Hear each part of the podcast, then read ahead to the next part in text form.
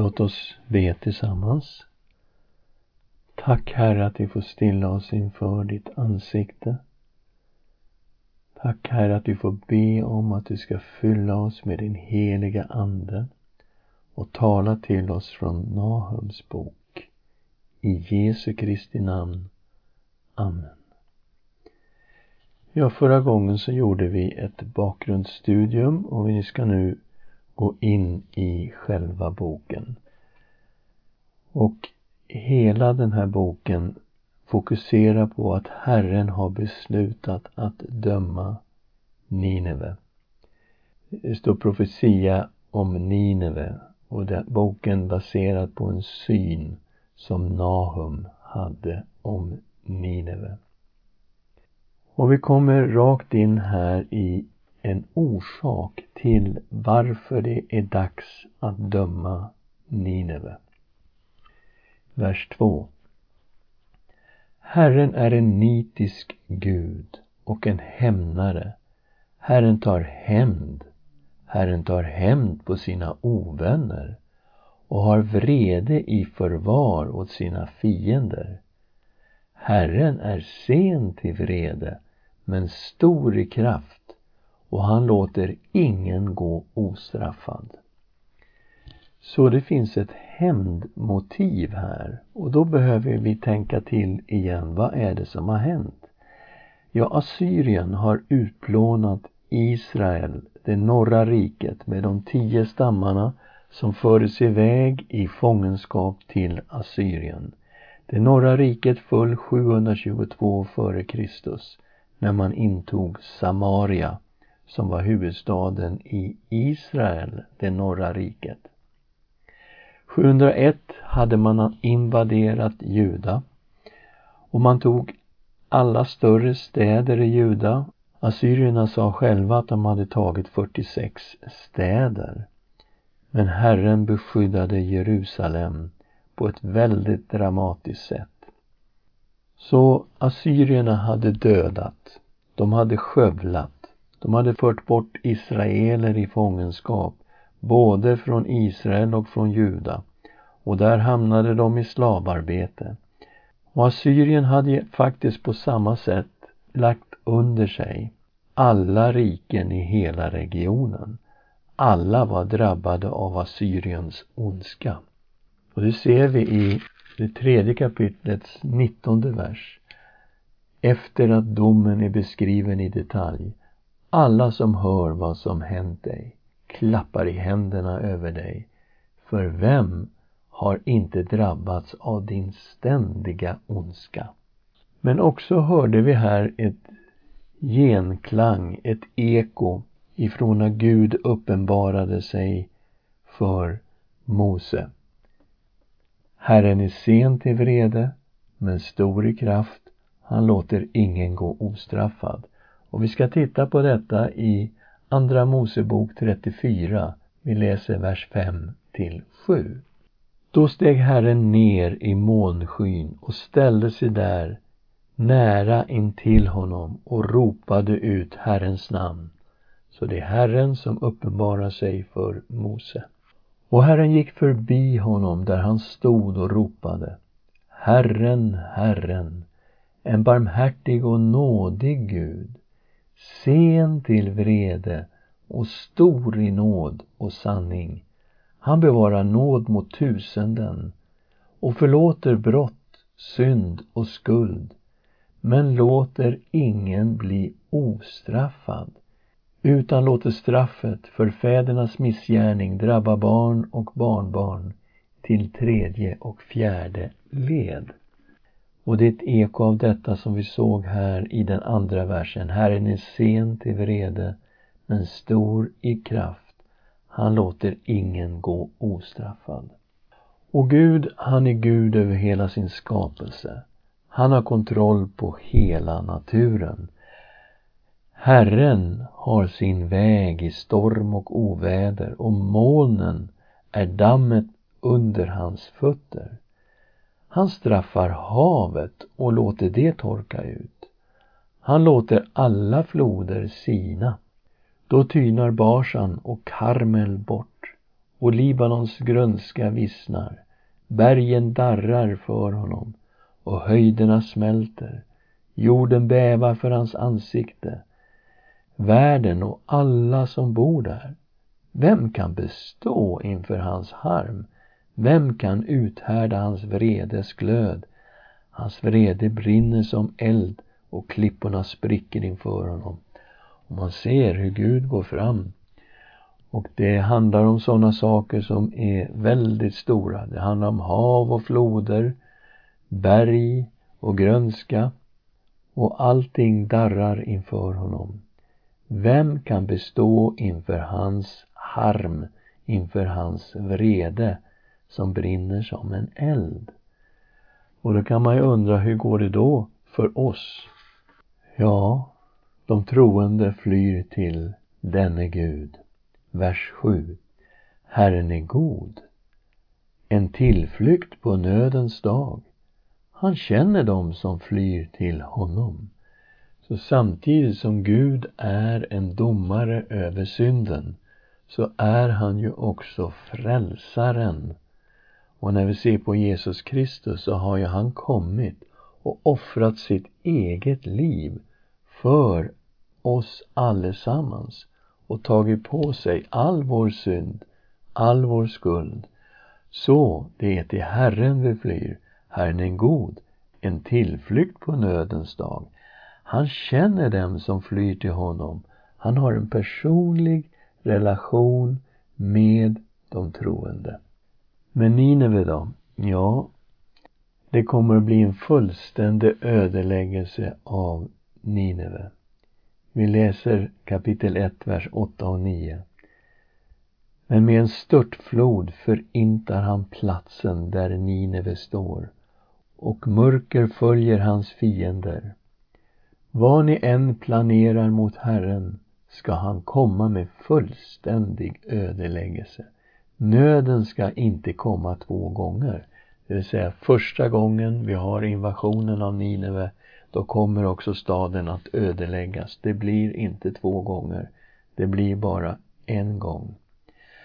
Men det står här om en störtflod som Gud använder för att förinta platsen. Och vi såg något liknande i kapitel 2, vers 6. Flodernas portar öppnas och palatset faller ihop. Och vi talade om det här lite grann i bakgrundsstudiet att det var en störtflod som spelade en roll när Nineve föll. Vi vet ju att bifloden till Tigris som hette Chosr den flöt igenom, rakt igenom staden. Och tanken var då att vatten från floden Chosr svämmade över och att murarna av soltorkat tegel löstes upp och skadades tillräckligt så att fiendearmén kunde ta sig in i stan. Men det finns problem med det här och det är att det var inte regnsäsong då när Nineve intogs. Det var juni till augusti 612. Men det finns en annan möjlighet. Man hade alltså tagit platser norr om Nineve, platser som kontrollerade floden Chosr. För det fanns ett kanalsystem och floden var reglerat. Och det är klart, då hade man ju möjlighet att skapa en störtflod som kom emot staden. Det som talar emot det här scenariot, det är en tidig krönika från Babel. Den nämnde inte någonting om en störtflod i samband med Nineves fall. Och vi vet också att det här skulle kunna vara ett bildspråk, en metafor som Nahum använder. Därför att vi ser samma bildspråk hos Jesaja när han beskriver hur den assyriska armén ska komma över Israel och Juda. Vi läste det här i bakgrundsstudiet också, Jesaja 8, vers 7 till 8. Se, därför ska Herren låta flodens väldiga vattenmassor komma över dem, nämligen Assyriens kung, med all hans härlighet den ska stiga över alla sina breddar och över alla sina stränder. Den ska tränga in i Juda och svämma över och breda ut sig så att den når ända upp till halsen. Den ska breda ut sina vingar och fylla ditt land i hela dess vidd, Emanuel. Så här ser vi ju att Jesaja använder just det här som ett bildspråk av assyriska armén som invaderar Israel och Juda. Så vi kan inte slå fast att eh, det var den här floderna som gjorde att Nineve öppnades och att man intog staden. Det skulle kunna vara också ett bildspråk. Sefania var ju samtida med Nahum och även han bar ju fram en profetia om att Herren skulle ödelägga Nineve. Sefania kapitel 2, vers 13 till 15.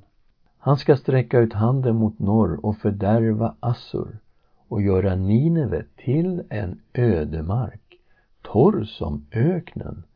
Där ska jordar lägra sig, alla slags vilda djur, både pelikaner och hägrar ska övernatta på dess pelarhuvuden. Fågelsång ska eka genom fönstren och bråte finnas på trösklarna, för sederpanelen är bortriven. Detta är den glada staden som satt så trygg och tänkte för sig själv, jag och ingen annan. Vilken ödemark den har blivit, ett tillhåll för vilda djur. Alla som går förbi ska vissla åt den och slå ihop händerna. Så vi ser här att Sefania beskriver Nineve som fullständigt ödelagt och till och med att vilda djur finns i staden. I Nahum kapitel 1, vers 11 så möter vi en person som verkar vara en orsak till att Herren kommer att döma Nineve. Från dig har en man gått ut, en som tänker ont mot Herren, en rådgivare i ondska. Och när man tittar bakåt på vad som har hänt, ja då blir det ju Sanherib, kungen av Assyrien som man tänker på. Det var han som invaderade Juda år 701 när Hiskia var kung och Jesaja var profet.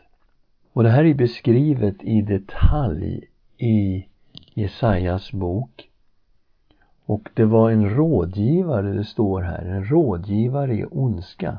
Och det fanns det också då när Sanherib invaderade Juda. Det var Rab Shake som både utmanade och hånade Herren. Vi ska läsa några verser där i Jesaja 36, vers 18 till 20. Så här sa Rab Shake. Låt inte Hiskia förleda er när han säger Herren ska rädda oss. Har någon av de andra folkens gudar räddat sitt land ur den assyriske kungens hand? Var är Hamats och Arpats gudar? Vad är Sefarvajims gudar? Eller har de räddat Samaria ur min hand? Vilken av de andra ländernas alla gudar har kunnat rädda sitt land ur min hand? Skulle då Herren kunna rädda Jerusalem ur min hand? Vi vet att Herren talade genom profeten Jesaja och talade till kung Hiskia och sa att han skulle rädda staden. Så här sa Herren genom Jesaja, han, alltså Sanherib, ska inte komma in i denna stad eller skjuta någon pil dit in. Han ska inte närma sig den bakom en sköld eller kasta upp en vall mot den. Han ska vända tillbaka samma väg som han kom. Han ska inte komma in i denna stad, säger Herren, för jag ska skydda och rädda denna stad från min och min tjänare Davids skull. Man kan ju undra hur skulle det gå till när den assyriska armén belägrade Jerusalem utanför murarna. Vi läser från Jesaja kapitel 37, vers 36. Och Herrens ängel gick ut och slog 185 000 i assyriernas läger när man steg upp tidigt nästa morgon. Då låg där fullt av döda kroppar. Då bröt Assyriens kung Sanherib upp och vände sedan tillbaka. Han stannade sedan i Nineve. Så Herrens ängel grep in och 185 000 man dog. Man vet ju inte exakt vad som hände men historikerna spekulerar över att det kunde varit sjukdom och feber som då angrep den assyriska armén där utanför Jerusalems murar och de fick avbryta belägringen och återvända till Assyrien. Så det här är vad man tänker på när man läser vers 11. Från dig har en man gått ut, en som tänker ut ont mot Herren, en rådgivare i ondska. Och när det gäller Juda så skulle Gud då lyfta av oket. Kapitel 1, vers 12 och 13. Så säger Herren, hur starka och många de än är, ska de ändå mejas ner och försvinna. Jag har plågat dig, men ska inte plåga dig mer. Nu ska jag bryta hans ok över dig. Jag ska slita av dina band. Och det är så att alla de här smårikena som fortfarande fanns kvar, de var ju skattepliktiga under det väldiga assyriska imperiet och de tvingades år efter år att betala skatt och nu säger Gud nu är det slut på Assyrien. Det här oket kommer att lyftas av. Nineve ska utplånas. Vers 14. Men om dig Nineve har Herren befallt inga efterkommande ska bära vidare ditt namn. Ur dina gudars hus ska utrota alla bilder, både snidade och gjutna. Jag ska göra i ordning en grav åt dig för du är ingenting värd. Så, det blir inga efterkommande som kommer bära Assyriens namn. Det betyder att hela det väldiga assyriska imperiet kommer att utplånas. Men Juda ska få jubla. Vers 15. Se över bergen kommer glädjebudbäraren som förkunnar frid. Fira dina högtider, Juda. Uppfyll dina löften för den onde ska inte mer dra fram genom dig. Han är helt till intet jord. Och här är det glädjebudskap som ska komma till Juda. Det är en budbärare som kommer över bergen och förkunnar frid. Och det här ekar ju av vad vi läste i Jesaja kapitel 52, vers 7 där det handlade om Jerusalems befrielse från Babel och att Herren skulle vara kung i det befriade Jerusalem. Och det större sammanhanget där i Jesaja handlar ju om frälsning genom Herrens lidande tjänare. En frälsning som faktiskt inkluderade oss också som kommer från de andra folken.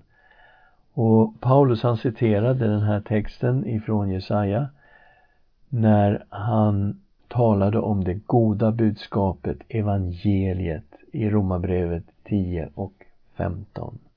Och vi kan läsa från Romarbrevet 10 och 13. Var och en som åkallar Herrens namn ska bli frälst. Men hur ska de kunna åkalla den som de inte har kommit till tro på? Hur ska de komma till tro på den som de inte har hört? Och hur ska de kunna höra om ingen predikar?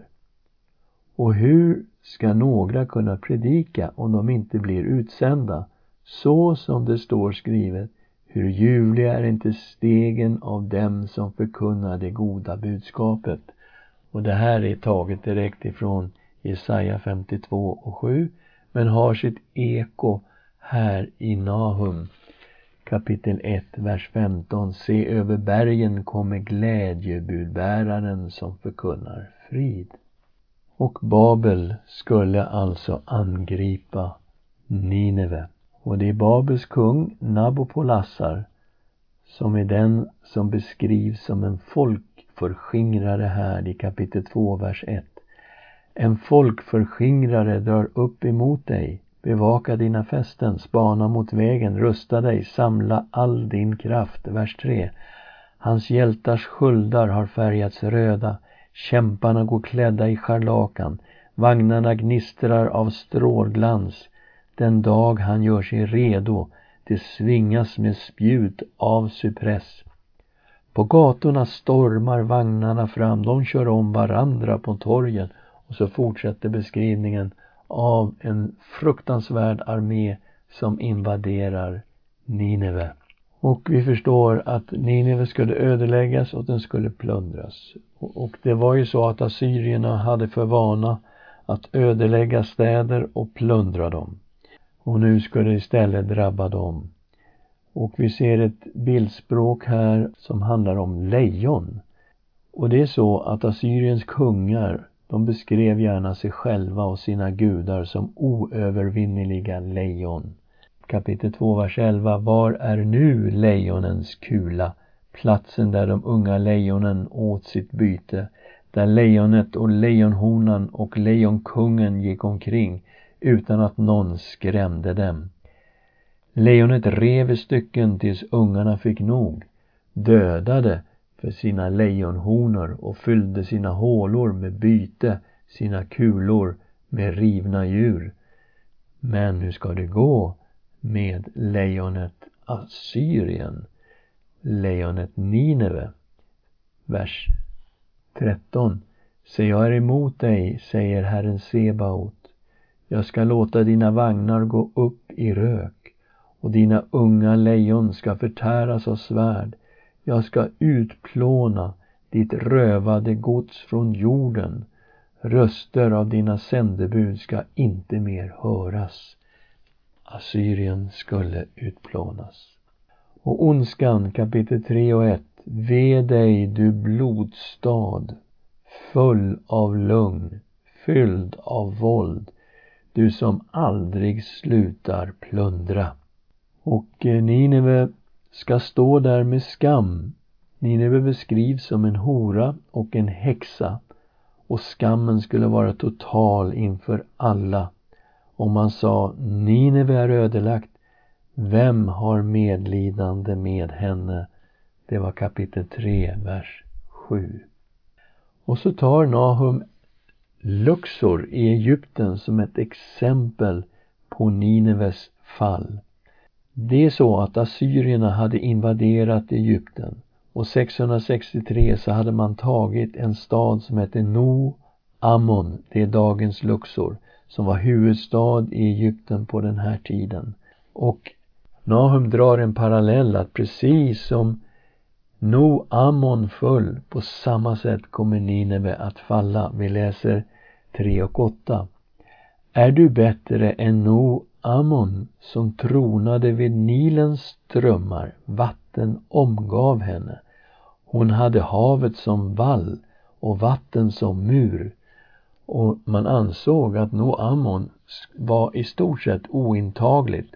Och precis som Nineve så låg det vid en flod. Nineve låg vid den väldiga floden Tigris och Luxor, eller Noammon, låg vid Nilen långt ner i söder i Egypten och väldigt svårt att komma åt för en armé som kommer från norr som Assyrien gjorde. Nubien och Egypten var hennes oändliga styrka. Put och Libyen var hennes hjälp. Också hon fördes bort, i landsflykt och fångenskap. Även hennes barn blev krossade i alla gathörn. Man kastade lott om hennes ärade män och alla hennes stormän fängslades med kedjor.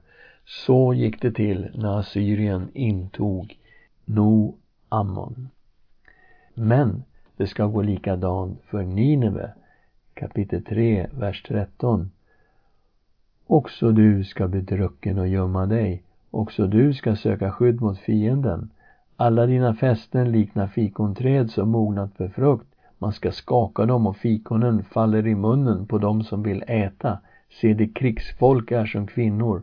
Ditt lands portar står vidöppna för dina fiender. Eld förtär dina bommar. Så, det här bilden med fikonträdet. Landet Nineve var moget för skörd.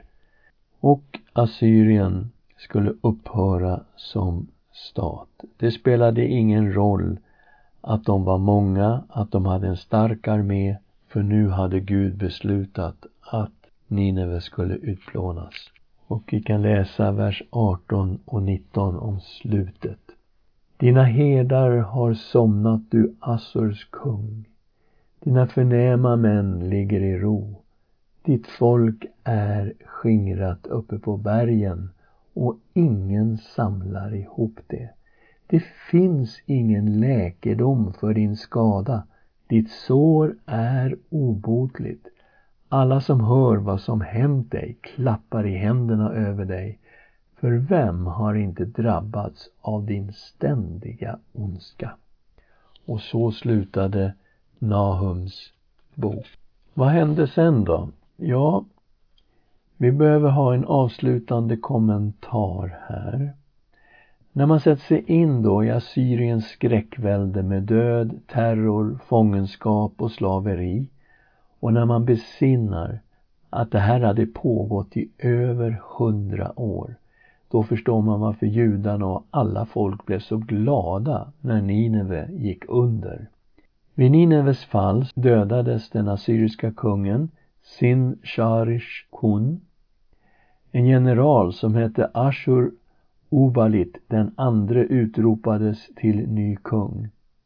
Han flydde med en kraftigt försvagad armé till Haran och Haran låg i dagens sydöstra Turkiet. Där förskansade han sig med sin lilla armé. Egypten var alltså i allians med Assyrien, de hade en försvarsallians tillsammans.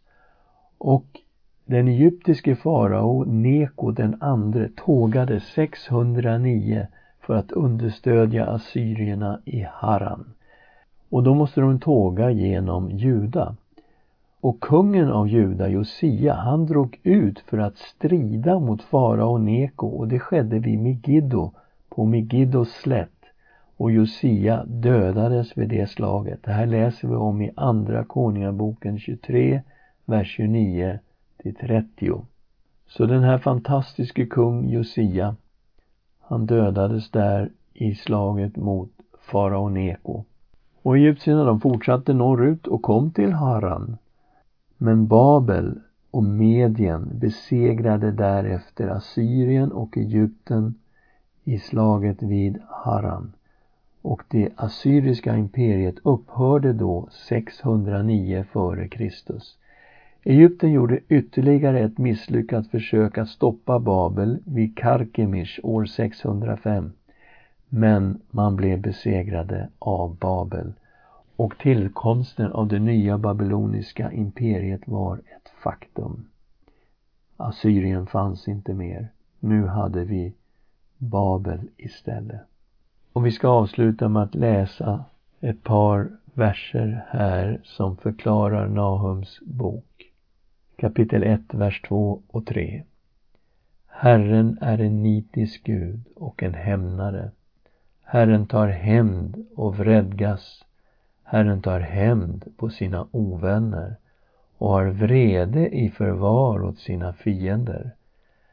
Herren är sen till vrede, men stor i kraft och han låter ingen gå ostraffad. Och vad gör vi då som inte är fullkomliga på något sätt och har synd och står med skuld inför Gud? Jo, Herren är inte bara domaren, han är också frälsaren. I vers 7. Herren är god, en tillflykt på nödens dag. Han känner dem som flyr till honom. Och genom Guds nåd i Jesus Kristus har vi en personlig gemenskap med Gud. Han känner dem som flyr till honom. Låt oss be tillsammans. Tack Herre för att du är en levande Gud. Du är stor i nåd. Du är sen till vrede. Men vi vet också att du inte låter någon gå ostraffad. Tack Herre Jesus för att du gav ditt liv för oss. Tack att du bar vår synd och skuld. Och du tog straffet för våra synder på dig. Tack för frälsningen och syndernas förlåtelse. Du är en god Gud och du är en tillflykt på nödens dag. Och du, Herre, känner dem som flyr till dig. I Jesu Kristi namn. Amen.